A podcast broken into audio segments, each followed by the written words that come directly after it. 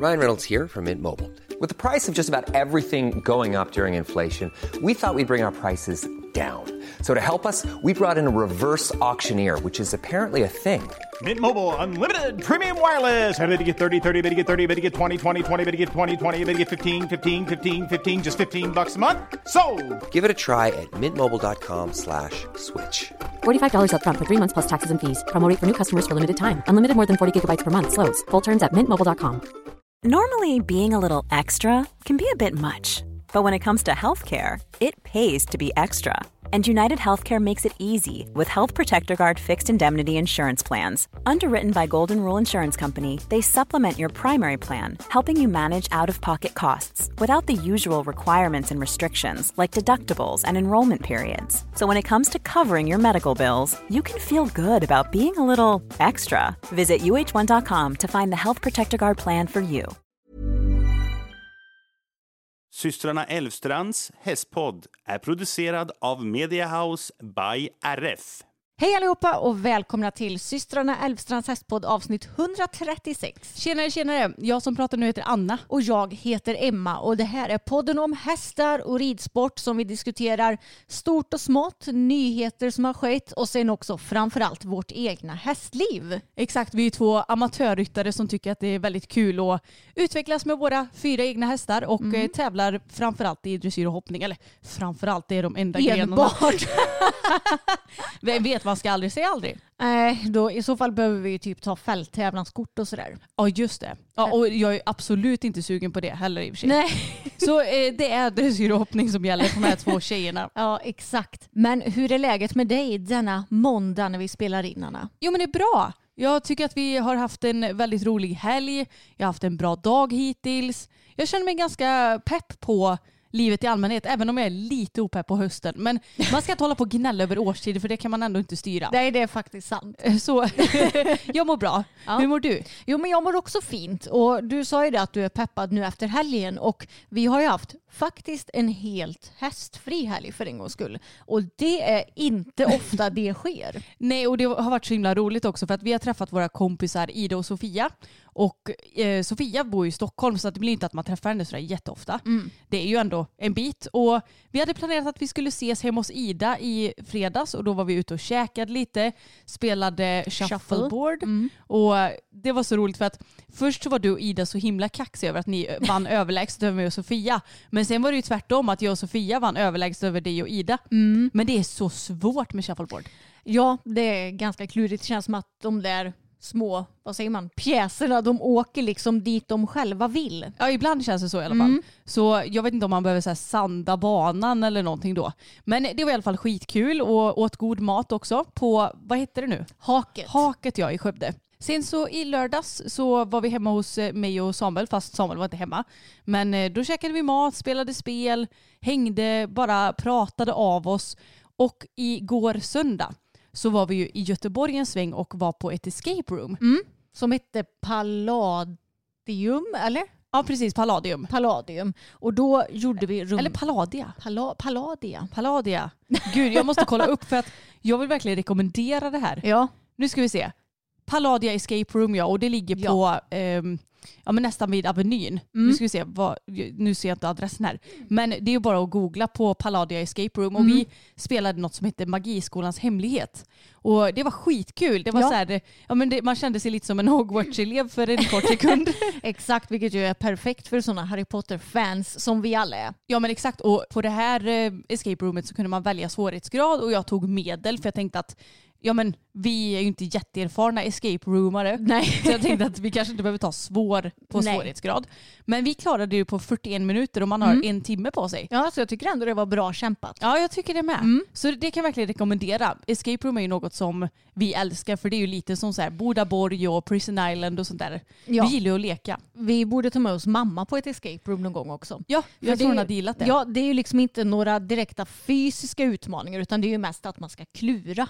Ja, det, det kanske finns escape room som man ska vara fysisk också, det vet inte jag. Nej. Men de som vi har varit i hittills har inte varit särskilt fysiska. Nej. Eller ja, inte alls. Men jag känner mig upptankad med energi efter den här helgen och jag tycker det är så mysigt att umgås med kompisar och känna att man verkligen ja, men gärna får pausa på ett helt annat sätt än om man bara är ledig själv hemma. För att då blir det så mycket så här scroll i telefonen och gärna få jobba på ett annat sätt. Men nu fick man verkligen så bara, åh, andas ut lite. Exakt, och jag tänker att för oss som har egna hästar och som har ett stort ansvar över dem hela tiden så är det ganska skönt att ha ridpaus under ett par dagar för då Ja men då kan du släppa hästarna helt och du blir också mer taggad på att komma igång igen. Det kände jag inför idag att det skulle bli väldigt kul att rida. Ja men jag tycker verkligen det räcker med ett par dagar. Ja. För sen är man sådär att nej men nu kliar det i kroppen.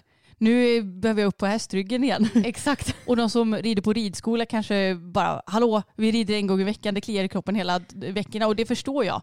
För de få gångerna jag är utomlands och iväg typ en vecka i sträck, då tänker jag ju inte på något annat än våra hästar. Nej och jag tänkte också säga been there done that för Ja. vi har ju också varit ridskoleelever och bara längtat, längtat, längtat, längtat tills att vi skulle få rida igen. Men tänk vad fint då att man Ja. bara längtar efter de där goa djuren. Jag vet.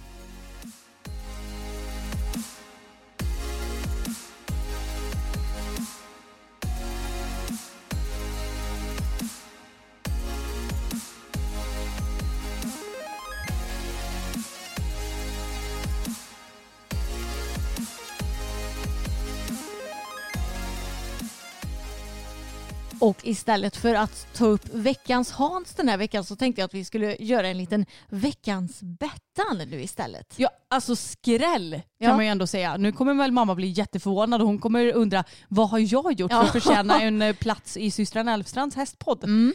Nej men det var så kul för att jag hade varit ute och ridit en dag, eller det hade vi väl båda. Och då regnade det, alltså det kom ju regn från absolut ingenstans. Bara poff och så blev vi ganska så blöta.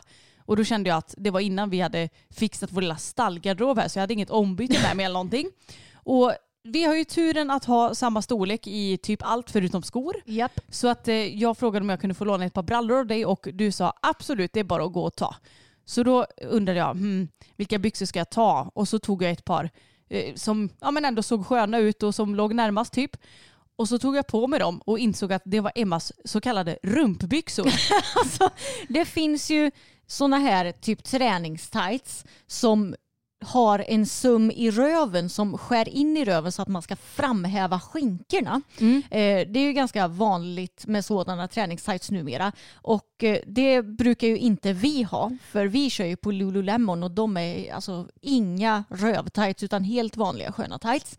Men så såg jag ett par, ja men de är som ett par tunna mjukisbyxor kan man säga som sitter alltså på plats i midjan, har fickor, är gjorda i ett jätte, jättemjukt och skönt material men att de ändå är lite åt det tajtare hållet. ja men typ en hybrid mellan leggings och eh, Ja. träningsbyxa liksom. Exakt. Och de är ju då såna här rövbyxor, det vill säga att de har den här summen som gör att eh, man ser skinkorna helt enkelt. Ja, väldigt tydligt. Väldigt tydligt och jag tycker att det, det brukar inte vara några konstigheter på andra om de har på sig såna här byxor. Nej vi bryr ju oss inte om vi ser någon Nej. med sådana byxor. Men du och jag som redan har stora rövar, låt mig säga som så att vi behöver inte framhäva dem mer. Nej men det, var det är lite så jag känner också så att jag skulle kanske inte ha dem in public. Nej, riktigt. alltså jag köpte ju dem egentligen mest för att ha på mig dem hemma för att jag tyckte att de verkade så här sköna och så. Men jag, eh, jag skäms för mycket för att ha på mig dem in public så de, alltså, det ska mycket till för att jag lämnar huset med dem på kan jag säga. Och det är sjukt för vi skäms ju inte för särskilt mycket du och jag. Nej, Men det var så roligt för att då tog jag på mig de här byxorna och tänkte liksom inte så mycket mer på det. Men sen så gick jag ner för trappan och mamma var hemma en sväng hos eh, dig då. Och så tittade jag mig i spegeln och bara just ja det är de här byxorna typ. och mamma hon skrattade så himla mycket åt de här byxorna. Och då så pratade jag om de här, alltså då sa jag det, hur, jag vet inte hur jag ska lyckas gå ut med de här. Nu skulle jag ju inte det för jag skulle bara åka hem sen till Samuel. Och jag menar, han bryr sig inte vad jag har på mig. Eh, så då skrattade mamma så otroligt mycket. Och så visade jag ett knäböj eh, moment i de här byxorna också. Då skrattade hon ännu mer. ja, hon skrattade nästan som grät vill Ja. jag minnas. Så att eh, mamma tyckte att de här byxorna var otroligt roliga. Ja, eller så tyckte hon att sin egen dotters röv var så himla rolig då Ja, kanske. jag vet inte. Det är ju hon eh, delvis som har skapat mig så jag vet inte varför hon tycker att jag var så rolig. Nej, men det var väldigt kul i alla fall. Ska vi ta och lägga ut en bild på hur de här byxorna ser ut Anna? Ja, ska vi lägga upp det i story på vår Instagram eller? Det kan vi göra. Ja, det gör vi. Något som har hänt den här senaste veckan det är ju något revolutionärt. Som inte har hänt på åtta år. Ja. Men som nu äntligen har hänt. Japp. Du har hoppat 1,10! På tävling! Woo, woo, woo, woo. Ja, vi insåg ju det att det var på riktigt åtta år sedan som jag startade 1.10 senast. Ja, och- med boppen. Och då fick du, vad var det jag sa, var det så här 17 fel Ja men det var den sämsta 1.10 jag har ridit tror jag med boppen för han var ju egentligen alltså väldigt lätt och sådär på tävling. Han, han kunde få något ner här och där. Mm. Men den här tävlingen då, alltså han stannade inte på något hinder men jag vet att jag la någon volt och så rev han säkert två hinder. Ja. Och det var också den mest maxade och läskiga 1.10 banan jag någonsin har varit med om vill Ja, jag minnas. jag vet för att jag kommer så väl ihåg den här tävlingen. För att du gick ju banan medan jag ledde boppen. För att du startade ganska tidigt i den här klassen vill jag minnas. Ja. Så jag hade ju inte hunnit se banan någonting. Jag- Du hade hoppat en meter innan också va? Japp, och redan då hade jag tyckt att oj det här eh, känns högt för Ja, att vara en meter. Exakt. Men så var vi så här och hoppade fram och sen så skulle vi in på banan, eller ni, och så skulle jag ju filma det här då och jag bara men herregud det här ser skithögt Ja. ut. Det ser ut som 1,15, 1,20 typ. Men det var det ju förstås inte men det var en väldigt maxad bana. Japp. Så det var ju det senaste du hade i ryggen. Men nu har det alltså hänt. Ja, Och det blir inga 17 fel. nej det blev det inte skönt nog. Nej men vi sa ju det i förra veckans avsnitt att jag skulle till Kungsbacka och tävla med Bella på deras unghästtävling som de har på onsdagar. Och det var ju väldigt skönt att få avklarat den där 1.10 debuten och om vi ska dra det hela lite från början så tog det ju först och främst två timmar att åka dit för nu håller de på och bygger om E20 så vi fick ta en annan väg dit. Och ja, vi brukar ju inte åka kanske två timmar för bara en vanlig endagstävling normalt sett men det var ju det som fanns att välja på just nu. Ja och vi kände väl lite det att om du ska hinna tävla någonting nu i september så får det bli så och onsdagar är ändå vår inspelningsdag. Då kan vi lika gärna vlogga på tävling. Ja, Så att vi hade ändå tiden för det. Men det var ju en hel dag. det var det verkligen. Men inför en meter då så kändes hon fin på framridningen och i Kungsbacka på den, de här tävlingarna, någonting som var lite skillnad jämfört med en vanlig tävling, det var att på framhoppningen så hade de ju ingen som ropade in ekipagen till framhoppningen utan jag tror att de tänkte att eftersom det är så rutinerade ryttare som rider den här tävlingen, eftersom de är där med sina unghästar, så tänker nog de kanske att de har koll på det själva. Och sen är det klart att det kanske inte är så lätt att hitta hur många funktionärer som helst en vanlig onsdag heller. Nej jag tänkte lite det också. Och jag tror att det var precis som de tänkte att det var ju ändå mycket lite större namn som var Ja. på den här tävlingen och de har ju såklart stenkoll. Och sen kan jag också tänka mig att om det är så här, ja men säg en ung häst första tävling, då kanske de vill ha lite mer tid på sig så att de går in lite tidigare Ja. än vad du hade gjort till exempel. Så att Exakt. jag var lite sån där när vi skulle gå in, jag bara Nej det är nog bara för dig att gå in. Ja. och det var ju lugnt. Och Jag är så himla glad för hur, ja men du presterade ju jättebra på framhoppningen. Men hur Bella tog det också för det blev Ja. ju lite trängre. Det var ju ganska många hästar inne ibland. Ja men hon var jätteduktig och framhoppningen tror jag var 21 gånger 50 och jag tror det var kanske 7-8 hästar där inne samtidigt någon gång.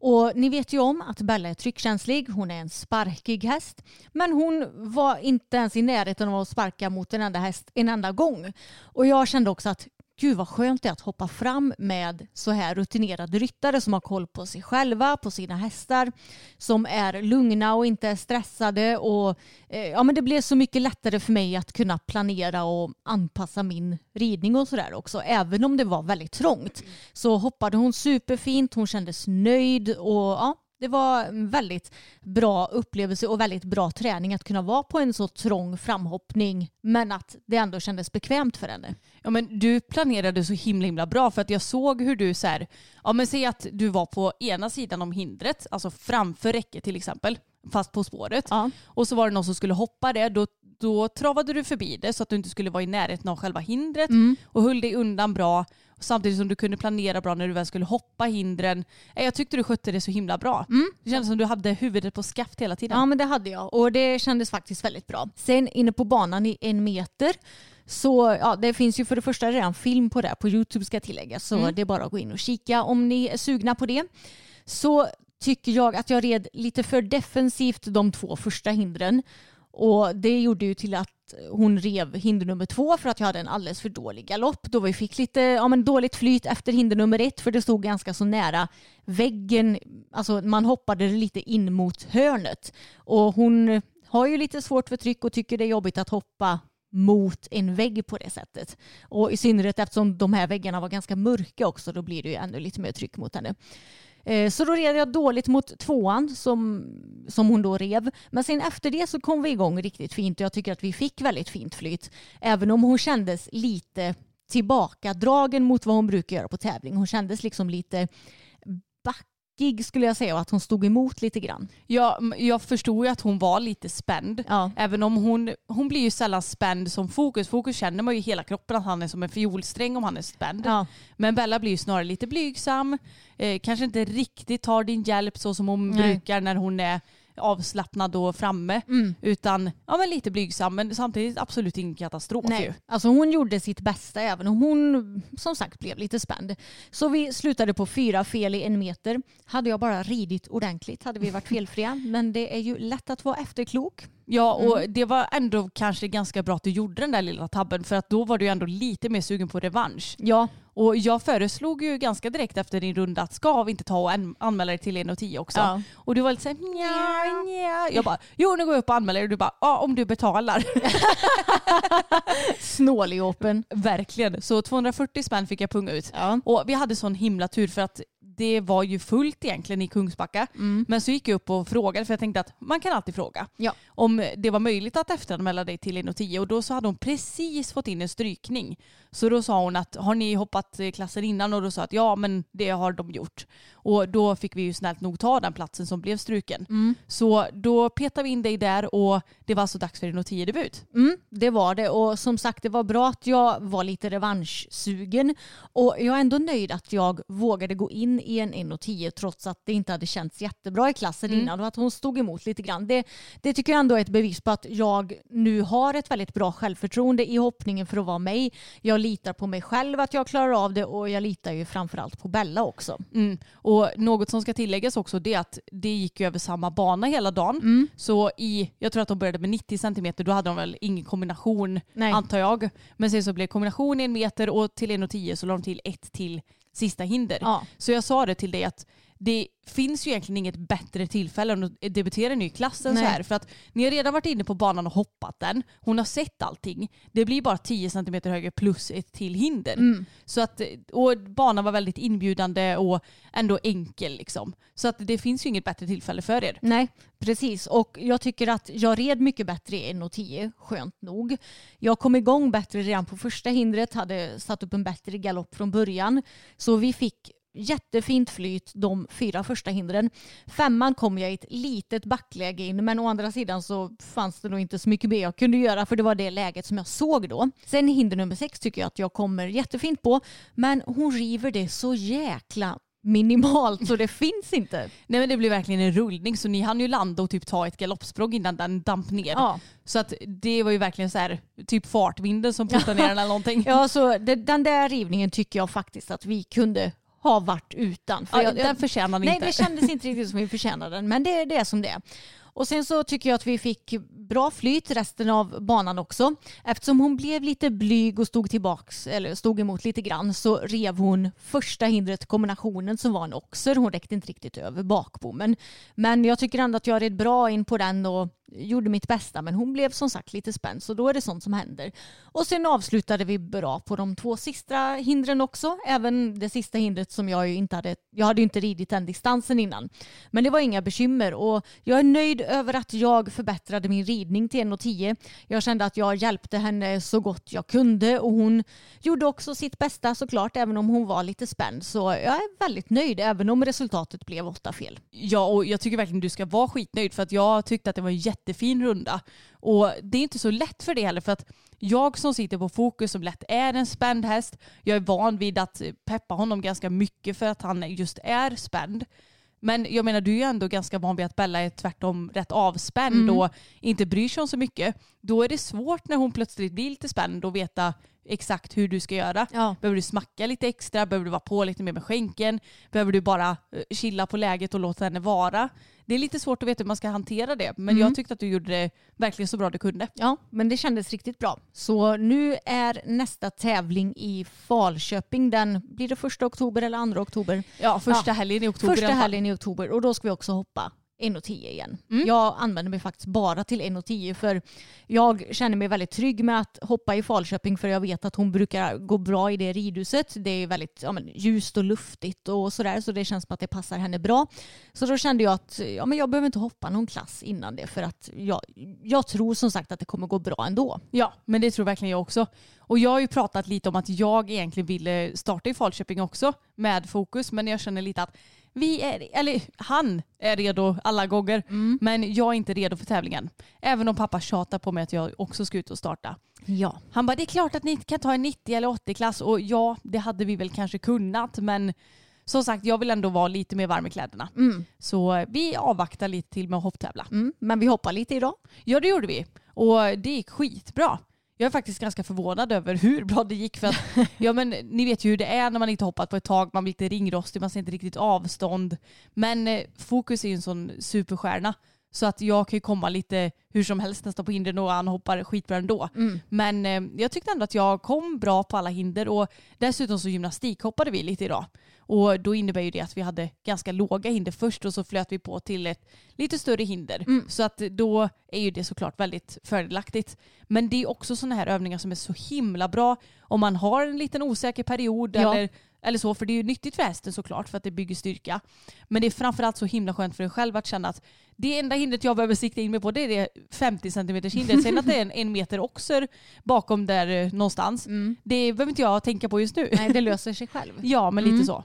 Precis, och jag känner att det här är väldigt bra träning för Bella också för hon behöver bygga mer styrka och bli smidigare. Så jag tänker att ja, men i vinter när det inte kommer vara någon tävlingssäsong och lite senare i år så kommer jag verkligen köra på och hoppa mycket gymnastikhoppning. Mm. Men det behöver ju jag och Fokus också. Ja. Så att det är skitbra att vi kan eh, peppa varandra och bygga fram de här tråkiga hindren. Det är alltid så tråkigt att släppa fram. Ja. Och komma på ibland också för den delen. ja, men nu var jag redan inställd från början vad jag ville hoppa idag Mm. så det gick bra. Och film på det här kommer komma upp imorgon för övrigt på Youtube. Mm. Så då kan ni spana in hur det såg ut när vi gymnastikhoppade lite idag. Och i fredags så red vi lite dressyr. Eller ja, du hoppade ju lite grann med fokus. Yes. Och så red jag dressyr på Bella samtidigt och då tog jag dressyrsadeln, passade på eftersom du ändå inte skulle ha den. Och sen tvingade du på mig dressyrstövlar också. ja. och jag har fortfarande skoskav efter dem. Alltså de är ju så hårda så de har skavt sönder min häl. Förlåt. Ja.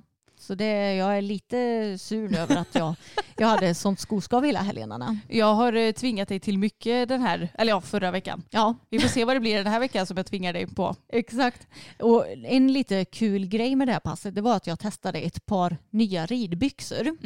Och de är lite speciella för de var vad ska man säga, paddade i rumpan och eh, skrevet kan man ju säga. Ja, en vaddering. Ja, de var vadderade och vi fick skickat dem till oss som ett eh, pressskick ifrån Noami, hette företaget. Och då tänkte jag, ja, men vad intressant för jag har ju så svårt för att sitta i traven på Bella. Som ni ju vet, hon är ju så studsig och så vidare. Sen har ju dessutom jag diskbrock och ja, men, allmänt problem med min rygg och Bella hon har ju också lite problem med sin rygg. Här kommer så här bortförklaring på bortförklaring. Nej jag skojar. Ja, precis. Nej, men jag tänkte att det kan vara intressant att testa dem för att se om man märker någon skillnad. Och jag tyckte att de var väldigt sköna att ha på sig byxorna. Så det var trevligt. De satt bra på plats eh, i midjan och kändes sköna på benen i materialet och sådär. Och du kände ju att vadderingen fanns där när du gick med dem för då kändes det som att ja, men det tryckte upp lite i ljumskarna kan man säga. Men jag tyckte inte att det kändes någonting när man satt på hästen utan då kändes det bra. Sen så är det ju svårt att säga efter en gång om det här hjälpte.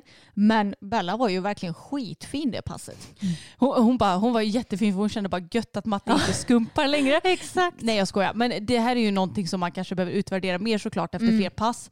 Men hon var ju verkligen fin det här passet. Ja. Och jag tyckte det var så kul att se med för att när ni hade ridit en stund och du hade jobbat lite övergångar i både galopp till skritt och galopptrav så fick hon en så himla härlig trav. Man ser verkligen på henne att ja, men, när vi såg någon gammal film på henne från att hon var typ fem eller vad Ja. var hon så ser man ju verkligen att hon är nästan som en liten symaskin och bara drrrr Japp. i traven och har inget eh, häng överhuvudtaget. Och det är klart att hon är ju kanske inte som eh, ja, insert valfri dressyrhäst Nej. med det steget. Men man ser ändå att hon är mycket mer långsam i sin takt, har en god energi och väntar. Ja. Och inte bara eh, flyger iväg i traven i någon sorts eh, symaskinstrav. Mm. Och det är så himla kul att se.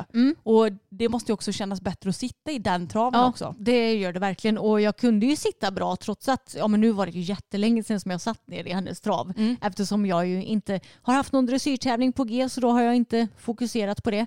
Men nu kände jag att jag kunde faktiskt sitta riktigt bra och ändå ganska så bekvämt. Men som sagt det är svårt att säga om det eh, berodde på byxorna eller om det berodde på att hon gick bra eller om det var liksom att båda två gick hand i hand. Men jag tänker att Alltså de här byxorna kan säkert hjälpa om du har problem med din rygg. Jag har ju diskbråck till exempel så jag tror absolut inte det är fel att rida med ett par sådana byxor om du vill avlasta både din egen rygg och kanske också hästens rygg. Så det är intressant och kul när det kommer nya sådana här uppfinningar eller vad man ska säga. Ja men man blir ju så glad när det kommer innovativa nyheter. Mm. Och jag tänkte på det också att det måste vara en bra ridbyxa om man får, har problem med skav också. Jag tänkte på det också om Mm. man får ridskav ja. Ja, nu, nu har vi ju inte provat och vi har ju som sagt inte bekymmer med det själva. Nej, Men det kan ju absolut vara något att testa för er som har bekymmer med det. precis.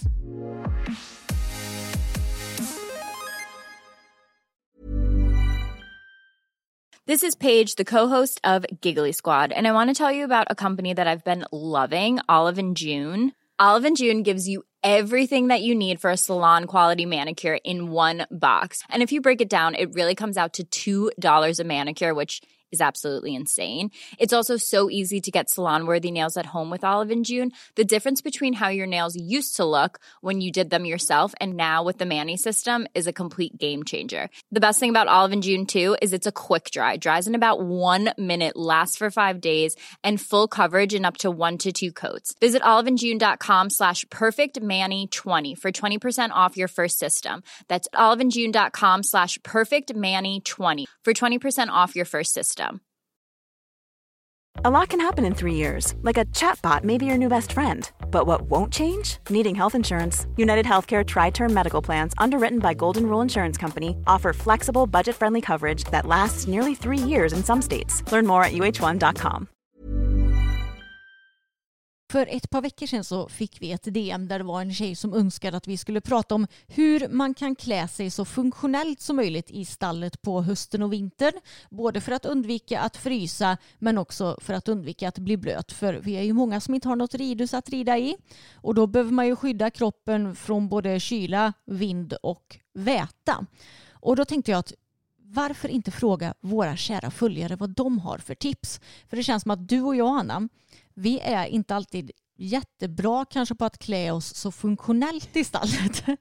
Nej men vi är ju lite sådana va. Ja. Och många gånger om det, är, om det inte är skitkallt ute så kan jag bli lite så här, ja ja men blir jag blöt så är det bara att gå in och byta om Ja, sig. exakt. typ. Eh, Men jag fattar inte varför för vi har ju diverse regnkappor och regnbyxor och grejer men vi är bara så dåliga på att använda dem. Ja. Men det kan ju också vara så, har man lite större sadelkammare eller förvaring och kunna ha så här, ja, men lite extra kläder ute, då hade det kanske varit lite enklare. ja. Men nu måste man masa sig in för att hämta det först typ. Jag vet inte, det känns lite som ett projekt. Precis, men ska vi ta och börja med lite grejer som vi själva brukar använda oss av. Mm. Och om jag får börja så gillar ju jag att rida, eller att, att både vara i stallet och även rida ut på vintern i ordentliga skor som gör att fötterna blir väldigt varma. Och jag köpte i vintras stövlar ifrån Wobby och det är som ett par gummistövlar kan man säga, så de är vattentäta, som har en sula som håller värmen väldigt bra. Så det är perfekt för då blir man varken blöt om fötterna eller kall. Och eftersom sådana här stövlar, de är inte så tajta som ridstövlar, så då får du ju dels plats med kanske tjockare sockar om du vill ha det, men också så finns det ju sådana här värmesulor Ja, som man kan lägga i om man vill bli riktigt varm. Och jag tycker absolut det funkar att rida med sådana här skor om man inte ska rida något superseriöst pass. Mm. Så det, sådana typer av skor har jag använt mig av länge nu, alltså jättemånga år och tycker att det funkar skitbra. Och jag tänker att vi skulle kunna ta och länka till de skorna som jag använder i beskrivningen till podden. Mm. Det kan vi göra. Och sen så är ju jag också ett eh, litet fan av ridkjolar. Just det. Mm, det gillar jag. Jag är inte jättemycket för att ha massa underställ och sådär för jag tycker Alltså jag tycker det blir lite för mycket.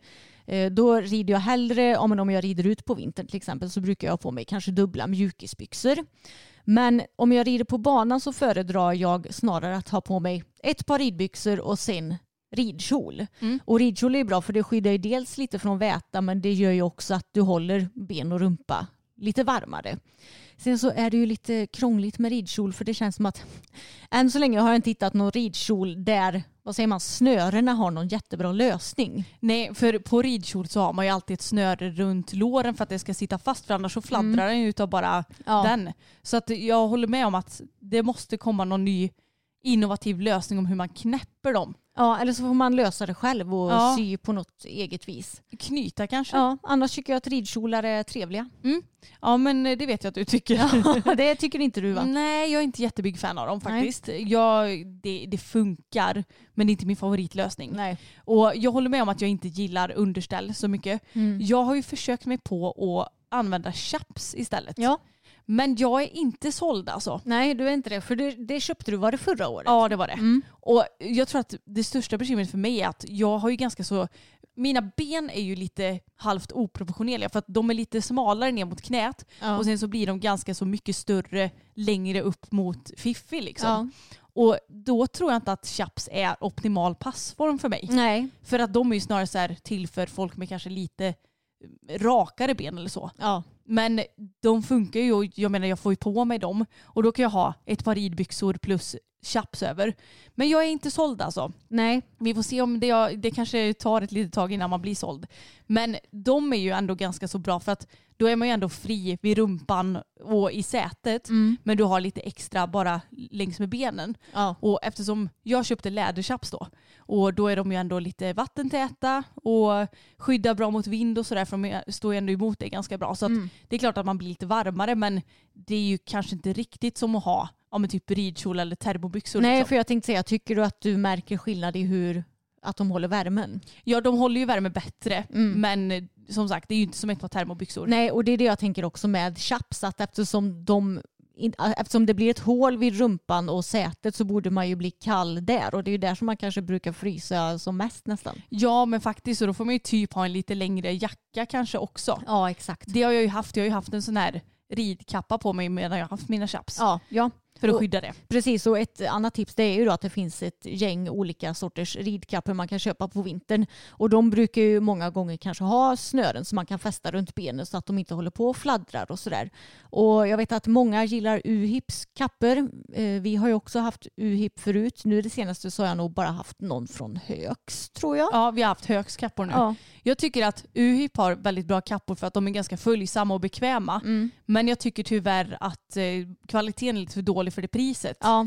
Jag eh, tycker att de går sönder väldigt lätt Mm. i både dragkedjor och tyget. Så att, Mm. för mig har det inte varit värt att köpa en till för jag blir lite snål. Nej men precis, jag har inte heller köpt någon sedan första jag köpte. Och sen så tycker jag inte heller att de är så varma som jag hade velat att de skulle vara kanske för det priset Nej. man lägger. Även om jag har köpt den varmaste modellen. Då kan jag lika gärna köpa en, för högs, eller en från Högs som är kanske ja, hälften så dyr. Eller en tredjedel så dyr eller Mm. vad det nu kan vara. Men samtidigt så har inte vi köpt eh, UHIP-kappor nu på jättemånga år så det kan ju ha kommit ut någon ny modell. Så Kanske. ni kan ju tipsa om ni har någon specifik kappa som ni tycker om väldigt mycket Mm. som är ordentligt varm och som ja, men sitter bra på kroppen. Men jag tänkte att vi ska ta och gå in lite på vad våra följare har tipsat om för grejer. Och så kan ju vi också kommentera lite ifall vi kanske har någon erfarenhet av det som de har tipsat om. Någonting som verkligen återkommer, märker jag i svaren, det är att man ska ha på sig underställ av ull. Mm. Och det vet jag att jag har hört förut, men jag har nog inte testat det själv tror jag. Nej men det är kanske någonting som jag borde testa i år. Ja. För jag tänker att ull borde ju vara lite mer följsamt kanske än många andra material. Jag vet att jag köpte något i bambu från Ullared som sitter som en riktig påse skit. för de är, typ, de är typ för korta i midjan för min smak och typ för stora på benen så då kanar de bara runt och har sig. Ja. Så det är någonting som man borde införskaffa. Är det, är det bara vanlig ull eller merino-ull? ja, folk har kommenterat både och vet jag. Ja. Så det kan ju helt klart vara någonting att testa. Mm. För det andas väl också. Och Ja, det precis. är ju bra tänker jag. Ja, för man ska väl helst undvika typ så här bomull och sånt eh, på vintern. För att blir man svettig så torkar det inte eller kommer inte utanför på kroppen utan det lägger sig bara och blir en kall hinna typ. Så kan det säkert vara. Och en sak som många har kommenterat är att man ska ha plasthandskar under ridvantarna. Just det. Och med plasthandskar, ja men det menas väl med sådana liksom engångshandskar som man kan ha om man till exempel ska ta hand om hästens hår eller något sånt där. Det har väl vi provat någon gång va? Jag vill minnas att jag har testat det här någon gång och jag tyckte inte att det hjälpte. Men jag har ju å andra sidan bara testat det en gång också. Så jag har inte gjort en grundlig undersökning och jag tänker att eftersom det är så himla många som kommenterar det här tipset så borde det väl ändå hjälpa kan jag tycka. Ja, och det kan ju också vara ett tips för jag menar jag tror att man kanske behöver köpa någon storlek större handskar då om man ska få plats med plasthandskar under. Ja. Är, man kan ju inte bara ta sina vanliga sommarhandskar liksom. Nej. Men det kan ju vara ett bra tips för att jag vet att många föredrar ju också att rida med sådana här trefingervantar på vintern till exempel. Mm. Där eh, det är ju så nära tumvantar det går att få och de är oftast ganska varma men jag tycker att man blir så otroligt klumpig med dem. Ja. Och då kan det ju vara skönt att ha sin typ vanliga ridhandske men att man har en plasthandske under för då blir det kanske lite varmare. Ja men exakt och att man inte som sagt har för tajta varken handskar eller stövlar för ju tajtare det är desto kallare tycker jag att det blir. Man Mm. behöver lite, det be- behöver liksom finnas lite luft som kan bli varm i stöveln eller i handsken. Och jag vet också att folk har tipsat om att ha plastpåsar på fötterna av precis samma anledning då Ja. som handskarna. Och överlag såklart lager på lager. Mm. Det är ju skitbra att kunna ta av sig om det behövs. Vilket ju är lite svårare att göra när man rider ut. Så då får man helt enkelt antingen välja att vara lite kall i början av utriten eller att bli varm sen när man har kommit igång. Ja men det är alltid a struggle. Det Ja. spelar typ ingen roll vilken årstid det är för att ja, men lite tidigare på hösten då kan det ju snarare vara så att man klär sig för mycket när det fortfarande är lite värme i septembersolen. Ja. Och sen ju kallare det blir desto, ja man vet ju typ inte vad man ska ha på sig. Nej. Rätt vad det är mitt under ridpasset så bara åh gud nu är jag skitvarm. Ja. Men hellre det. Precis, men när du tränar på banan så är det ju ganska bra att ja, men ha på dig kanske en stor tjock ridkappa när du rider fram och så kan du ta av den sen när du har kommit igång lite grann. Mm. Och det kan ju också vara ett tips från eh, vår sida att det är så himla smidigt på vintern att ha en lite tunnare jacka under sin kappa. Så det kan vara klokt att köpa en eller ett par storlekar för stor ridkappa så man får plats Ja. med en till lite, ja men kanske typ en höstjacka under liksom. Precis. Och Anna, någonting som jag vet att du använder det är ju vattentäta Uggs. Ja just det. Mm. Vet du vad de heter? Det som du Eh, de är nog från H&M tror jag. Ah, okej. Men jag är inte helt såld på dem alltså. Nej, du är inte det? Nej, jag tycker att de är lite för låga för att det skvätter gärna in både spån och grejer. Mm. Plus att de ska ju vara så här 100% vattentäta, vilket de är. Men mina sprack väldigt eh, tidigt. Ja, okej. Så att jag är inte så såld. Så att jag kommer nog införskaffa mig några andra nu till, till säsongen. Ja. Men jag förstår ändå att folk gillar dem för att de är ju som sagt varma. Men jag tycker att de är lite för låga för att jag tänker lite ju högre stövel desto mer värme kan ju florera också. Precis. Och någonting som är bra överlag att ha i garderoben det är ju en lång regnkappa. Och även regnbyxor då, om man ska rida ut när det regnar. Vi köpte väl på Ullared va? I- Ja, det gjorde vi. Ja. Så det kan ju också vara väldigt bra att ha och jag menar då kan du ju ta på dig så varma kläder som du behöver under till och sen att du avslutar med regnkappan och regnbyxorna så att du håller dig så torr. Mm. Och jag köpte ju en sån riktig regnrock som är nästan hela vägen ner till fötterna. Du köpte ingen sån va? Nej, för du köpte väl det för att du står mycket på tävling och jobbar på banan va? Ja. och jag har inte provat att rida i den men eh, det tänker jag att det borde inte vara några bekymmer om jag väl testar det någon Nej. gång. Sen är det också vissa som kommenterar att man ska ha på sig en pannba, ett pannband eller en tunn mössa under hjälmen för att hålla värmen. Mm. Och det här vet jag inte riktigt om jag faktiskt kan rekommendera. För att en hjälm ska ju egentligen sitta åt på huvudet och det ska ju sitta likadant. Men jag har ju å andra sidan också ridit med typ en tunn mössa Ja. under hjälmen ibland. Men det optimala är ju om man har en så kallad hjälmmössa. Jag Ja. vet att Back on Track har en sådan till exempel. Den är ju tunn ovanpå hjässan heter det va? Ja. Och så är den lite varmare just kring öronen. För att då tar det ingen plats från hjälmen utan den sitter som den ska. Ja. Så att var försiktiga med att ha för tjocka grejer under hjälmen. För att den ska ju ändå sitta optimalt för annars är ju risken att man skadar huvudet om man skulle råka trilla av. ja, och jag tänkte säga visst finns det typ som vad säger man, rånarhuvor också som man kan ha på sig när man rider. Exakt. Och det finns ju också sådana här öronmuffar som man kan fästa på själva, vad heter det? Ja men det här fästet som går upp från hakbandet upp till hjälmen. Ja, och det ska ju tilläggas också att det finns ju en hel del vinterridbyxor också som är fodrade, vilket ju är superbra och det tror jag att de allra flesta märken har. Och sen tänker jag också att vissa ridbyxor passar ju bättre att ha underställ eh, under den andra. Om vi tar Success till exempel så tänker jag att deras Bombay ridbyxor kommer passa väldigt bra att ha underställ under, eh, till skillnad från kanske Ohio ridleggingsen för att eh, Bombay är ju lite mjukare och det känns som att då får det plats mer under dem och att de håller värmen bättre. Ja, och jag tänker att om man vill ha eh, ridbyxor som man kanske vill få plats med underställ under, då kanske man kan gå upp någon storlek Ja, exakt. i de ridbyxorna. Mm. För att eh, som sagt, det ska ju inte bli för tajt med eh, lager på lager för att då blir det ju inte riktigt den här goda värmen som kan florera mellan lagren. En kommentar vi har fått. Funkar bättre än man tror att sätta tyg på stigbyglarna. Då får man inte kylan från metallen på foten. Ah, smart. Mm, det kan jag tänka mig. Undrar om man kan ta typ något nosludd eller något då? Det borde man ju kunna ta, känns det som. Mm. Men vi har ju plaststigbyglar. Så Nej. De, är det inte plast? Nej, det är metall. Ja just det, ja, det det är det. aluminium. Just det. Vad har du fått för dig? Jag tänkte, alltså, nu när jag, när jag hörde så här eh, ja, men metall, då tänker jag ju på de här gamla liksom, sorts stigbyglarna. Men ja, det är ju aluminium Det är ju en metall, det borde du veta som har läst natur. som har läst naturvetenskapliga programmet. Nej, men, ja, jag vet inte vad jag tänkte. Men då kanske vi borde prova det också. Nu. Ja men jag tycker nog det. Mm. Men vi har ju säkerhetstigbyglar där själva utsidan utlöser sig. Så då kanske man får ta ett tyg på den som utlöser sig och så ett tyg på Mm. den fasta bågen eller vad man ska Ja, säga. exakt. Och jag vet också att vår kompis Moa, hon har ju ridit mycket med benvärmare på, ovanför ridbyxorna. Ja just det. Mm. Så hon också har ju väl typ kört dem lite som jag har haft mina chaps. Ja, exakt. Att de, hon drar upp dem så långt det går vid låren. Ja. Så då är ju kanske en risk att det blir lite halt men jag tänker att snön är ju mjuk och landig om man trillar av. Nej jag skojar. Sen kom jag på också att det finns ju både typ jackor och västar som är elektriska. Som du kan, precis som elektriska värmesulor så finns det ju värmeväst och värmejacka om man blir väldigt kall när man rider. Och det skulle jag vilja ha. Ja, Jag hade velat haft ett par ridbyxor med Ja. sådana elektriska slingor i. Det hade varit trevligt. Kläder från annat än ridsportmärken. Ibland finns det bättre saker på till exempel Naturkompaniet. Mm. Mm. Det kan jag ändå tänka mig när det kommer till eh, typ eh, ja, men, att kombinera väta och vind och sånt där. För att Mm. ja, men, en del ridkläder kan vara lite sådär att det funkar mot typ duggregn men sen så blir det nästan lite för dåligt impregnerat eller Mm. dåligt tyg mot det. Så det kan ju också vara ett tips att kolla in Ja. andra sorters butiker. Och sen finns det ju också ridoveraller.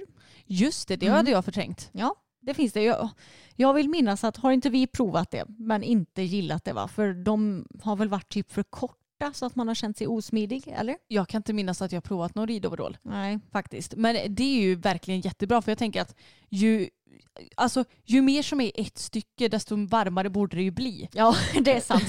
Så att jag hade ju verkligen, till vinter kanske jag ska ta och införskaffa mig ett ullunderställ plus ridoverall. Mm. Och jag tänker också att ridoverall det känns på något vis som att det inte är riktigt lika jobbigt som ett par termobyxor. Jag vet inte varför. Nej, Men det känns som att, eh, för jag har ju provat ridtermobyxor just och det. jag tyckte inte att de satt så himla bra liksom. Nej, men det, det är svårt för oss att hitta något som passar tycker jag det känns som. Ja och framförallt så tycker jag också att det är så svårt för att då är de kanske lite lägre i midjan eller så har de hängslen och sitter ändå inte helt hundra tycker jag. Mm. Fleece tights, ett måste. Rusta sålde i fjol till bra pris. Tror att ICA också har. Det borde man ju spana in kanske. Ja det har jag aldrig provat. Nej. Men är det också som en typ av underställ då eller? Jag skulle gissa på det. Ja. Intressant. Mm, det är flera som har kommenterat det så vi får, eh, vi får spana in det helt enkelt. Mm. Fleece tights och ullunderställ. Mm. Det är någonting som jag känner att jag eh, behöver införskaffa. Se till att impregnera allting och att ha extra kläder i stallet. Ha vattentätt och kör lager på lager. Ja, det är väl en ganska bra sammanfattning på hur man lyckas de kalla och regniga dagarna känns det som. Verkligen. Men jag skulle behöva tips på bra impregneringsmedel. För att jag vet att det finns lite olika. Typ någon som man kan bara spraya på ett torrt plagg och så får det torka in och så är det bra sen. Och sen så finns det väl vissa som man kan köra i tvättmaskinen. Men jag vill veta vilket är bäst och enklast att använda. För att jag tänker att jag skulle behöva säkert impregnera både jackor och eh, hästarnas tecken efter ett tag Ja. också. Så ni får gärna tipsa, antingen i Facebookgruppen, som eh, ja, det ligger länkat i beskrivningen till den, eller på Instagram där vi heter systrarna Elfstrand så vore jag tacksam. Ni har ju så himla mycket bra koll på saker så att eh, jag älskar att vi får så bra svar av er när vi frågar saker. Verkligen. Och någonting som vissa tipsar om det är att ha fårskinn på sadeln. Just alltså det. som eh, ja, men sadelöverdrag kan man ju säga. Ja. Och det vet jag, det känns som att det var mer vanligt förr. Nu ser man inte det så ofta men det tycker jag är ett väldigt bra tips för jag menar då håller det ju rumpan be- betydligt varmare känns det som. Ja, då kanske man kan ha chaps eh, utan någon ridkappa över till och med. Exakt. Ja, alltså jag kan säga som så att vi fick nog in typ 700 svar på, på den här frågan jag ställde i vår story. Men eh, många kommenterade ju ungefär samma sak så nu har vi nog fått en ganska så bra sammanfattning av vad folk tipsar om och även det som vi har tipsat om själva och testat. Ja, och eh, det här med impregnering som vi nämnde nu i slutet, det är ju väldigt bra om man har jackor som är vatt, ordentligt vattentäta. Ja, Men jag tänker också att om man inte har det så kan man ju alltid ha en, ring, en ridkappa tänkte jag säga. En regnkappa över sin jacka. Så Ja. att eh, bara klä sig så varmt som man behöver för dagen och sen så regnkläder över det så är man ju ändå ganska kittad. ja. Jag kom på en liten story som jag inte tror att vi har tagit upp i podden innan. Nej, jag tror inte det heller. Och det här var för, ja men det var nog säkert 2007 något sånt. Ja. 2007, 2008 Så någonstans. säg 15-ish år sedan. Något sånt. Och hur gammal var jag då? Eh, 14-15 år. Ja. Och jag och min kompis Elina, vi var ju väldigt hästintresserade och också fotointresserade. Mm. Så att vi fotade väldigt mycket, hade varsina systemkameror. Och på den här tiden så var ju det inte alls lika vanligt som det är idag. Nej, För nu känns det ju som att varenda kotte har en proffskamera nästan. Precis, och på den tiden så var ju kanske sy- systemkamerorna generellt sett inte lika bra som de är idag heller. Eller? Mm, Eller, var, eller, var- var, eller var det bara ni som var sämre på att fota? Ursäkta? ja, men ni var duktiga på att fota då, men jag tycker ju att våra bilder är väl ändå bättre idag, får du väl eh, erkänna. Eller? Tycker du inte det? Nej, jag tycker nästan att jag fotar sämre idag för att jag fotar så sällan. Ja. Förr i tiden så var ju det, hästar och foto var ju typ mitt intresse. Jo. Så att jag var i stallet men nästan varje dag så gick jag ut och fotade någonting. Jo. Om jag inte tog med kameran till stallet så fotade jag någon växt i trädgården eller mig själv typ. Ja, eller, det är faktiskt sant. ja, så att jag fotade väldigt mycket när jag var yngre och experimenterade i Photoshop och sådär. Eh, något som jag, det har ju verkligen lagt grunden till att jag kan lite idag.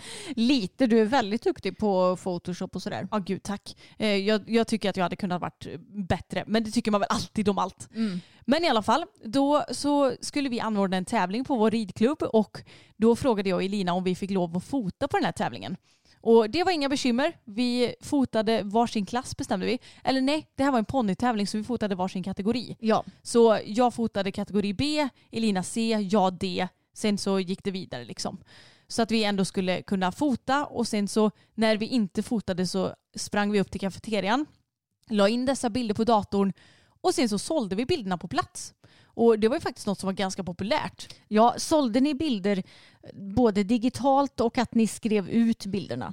Nej, alltså jag tror att det här är så mossigt så att jag tror att vi bara sålde alltså utskrivna bilder. Ja, just det. Då förstår ni hur länge sedan det här är. Ja, för jag tror inte att det var på tal om att man skulle skicka dem digitalt. För det var så här, vad ska jag med den till?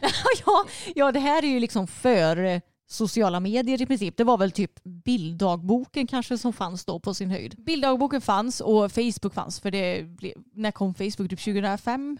Ja, men 2006? alltså, jag tror inte jag skaffade Facebook förrän kanske 2009. Nej, samma här. Men Facebook fanns Kanske. ju ändå. Ja, men det var ju absolut inte så stort då. Nej, gud nej. Så att, jag menar, det fanns ju ingen idé att få dem digitalt. Nej. Så att vi skrev ut bilder på ja, men, fotopapper och så fick man ja, men, typ ett A4 med sig hem för en peng. Och vi känner ju ändå ganska bra med pengar med detta minns jag. Ja, Så att det, det var ju verkligen en upplevelse. Men det var ju väldigt, väldigt mycket att göra. ja. För som sagt, antingen så fotade vi eller så satt vi uppe och sålde och skrev ut bilder och la in bilder på datorn. ja. Så att vi hade ju noll minuter till övers. Mm. Jag vet att det var någon gång som jag kastade i mig en toast under tiden som jag satt och skrev ut bilder. Liksom. ja. Men den här dagen, jag minns det här så himla tydligt för att jag har aldrig hållit mig så länge. jag kissade inte på 14 timmar. Nej, det är helt galet. Det är mitt rekord. Mm. Och så här, jag vill inte slå det rekordet heller för att det är ju inte nyttigt att hålla sig så länge. Nej. Man ska ju kissa desto oftare. Jo. Så att det är ju helt sjukt. Men jag hann verkligen inte. Nej. Och jag tror inte att jag kände mig kissnödig heller för att det blir ju lite så. Är man igång då hinner man ju inte känna av om man är varken hungrig eller kissnödig eller törstig typ. Nej. Så att eh, det var verkligen en upplevelse. Men eh, det var väldigt kul. Mm. Men jag skulle nog inte vilja göra om det igen. Nej, men det, det är så kul det här med fotografering för idag är ju allt så himla digitalt Mm. och jag har ingen aning om hur lönsamt det är för fotografer att åka på tävling idag jämfört med hur det var för typ 15 år sedan för då var det ju kanske lite mer en så här en stor grej att åh nu kan jag få en bild på på mig och min häst utskrivet och att det kändes, det, det var lite på ett annat sätt då jämfört med vad det är idag. Ja men lite så. Och jag tycker det är jättekul när jag ser fotografer på tävling. Och jag försöker alltid att köpa någon bild om jag tycker att det finns någon som, som jag gillar. För att det är ju roligt att få minnen och det är kul att stötta fotograferna. Men ja, jag vet heller inte hur lönsamt det är idag. Nej, det, det är ju hårt jobb att vara fotograf, det ska Ja. man ju veta. Det, det är ju du och Elina ett bevis på. ja, men det är nog ett sånt typiskt jobb som man tänker att ja men det är väl inte så svårt, det är bara att klicka bilder. Mm. Men det ska dels ske i rätt timing, man ska ha rätt inställningar och sen så kan det krävas lite efterarbete också. Ja. I Photoshop till exempel. Mm. Så att eh, ja, det är ett eh, roligt minne att ha och vi slet verkligen som djur den dagen. Ja, men på tal om det här med att hålla sig så kommer jag att tänka på det nu att på gymnasiet hade jag en klasskompis och hon var ju ganska så, eh, vad ska man säga, Bakterierädd Ja, va? bakt- bakterierädd. Så jag vet att vi var i Stockholm under några dagar och jag tror att hon, ja, hon kanske kissade så här en gång om dagen då men hon gjorde ju absolut inte nummer två under de typ tre dagarna som vi var i Stockholm. Men sen vet jag att hon berättade också att hon och hennes familj hade bilat ner till typ Spanien och det hade nog tagit kanske, jag vet inte hur lång tid det kan ta, tre dagar eller vad Ja men ta? det är väl rimligt om man inte typ sträckkör Ja. hela tiden. Ja, Två, tre precis. dagar. Ja, och jag vet att under hela den tiden så hade hon ju liksom inte kissat en enda gång för att hon bara nej men jag kan inte kissa om det inte finns någon ordentlig toalett typ. Så hon hade inte kissat på två, tre dagar. Nej, Men det är ju helt sjukt ju. mm, jag vet. Hur är det ens möjligt? Ja, vilken viljestyrka man måste ha också för att klara av det. Det hade aldrig jag klarat av. Ja, men du, hade det varit jag då hade jag inte kunnat dricka heller. Nej, exakt. För då, då hade jag inte fått dricka en droppe vatten för då hade det ju direkt kommit ut Nej, kanske. ja, Så- men exakt så Ja, men jag kan köpa att man kan ha lite svårt för att skita på andra ställen. Ja. För att det är ju lite så här, man kanske vill ha sin hemmamiljö. Mm. Men att inte kissa ens. ja. Och hon kunde inte göra, tänka sig att göra det i skogen heller typ. Nej, för det hade väl också varit så här om en bakterier och att sitta på något, det hade varit obekvämt och så Ja jo, det, jag håller ju med. Jag, jag går ju hellre på en äcklig offentlig toalett än eh, sätta mig i skogen. Faktiskt. Ja, det vet jag inte om jag hade gjort. Men det, mm, då har Eller man- ja, eh, helst inte äcklig offentlig toalett. men, Exakt. men jag har också lite svårt för offentliga toaletter. Men vad ska man göra? Man måste ju kissa. Ja, jag tänkte säga, jag är inte så knusslig. Det, det kan man inte vara när man har så lite blåsa som jag. Eller jag har inte svårt för det men ja, ibland kommer man ju in och bara åh helst inte men jag måste. Mm. Typ sådana här äckliga toaletter som finns längs eh, ja, men typ E20. Ja, jo. Som känns som så här riktiga lastbilschaufförstoaletter. Åh, herregud. De Ja. gillar jag inte. Nej, inte jag Som är helt i silver. Nej, precis. Och med den här skethistorien, nej jag skojar, så tar vi och rundar av det här avsnittet. Tack för att ni har lyssnat återigen. Glöm inte bort att prenumerera på både kanalen och på vår YouTube-kanal som heter Systrarna Älvstrand. Ha det världsbäst så hörs vi igen nästa vecka. Det är vi. Hej då! Planning for your next trip? Elevate your travel style with Quince. Quince has all the jet setting essentials you'll want for your next getaway, like European linen, premium luggage options, buttery soft Italian leather bags, and so much more. And is all priced at 50 to 80% less than similar brands. Plus, Quince only works with factories that use safe and ethical manufacturing practices. Pack your bags with high-quality essentials you'll be wearing for vacations to come with Quince. Go to quince.com slash pack for free shipping and 365-day returns. This message comes from BOF sponsor eBay. You'll know real when you get it. It'll say eBay Authenticity Guarantee. And you'll feel it. Maybe it's a head turning handbag, a watch that says it all, jewelry that makes you look like the gem, or sneakers and streetwear so fresh every step feels fly. eBay gets it. So look for the blue check mark next to that thing you love and be confident that every inch, stitch, sole, and logo is checked by experts. With eBay Authenticity Guarantee, you can trust that feeling of real is always in reach. Ensure your next purchase is the real deal. Visit eBay.com for terms.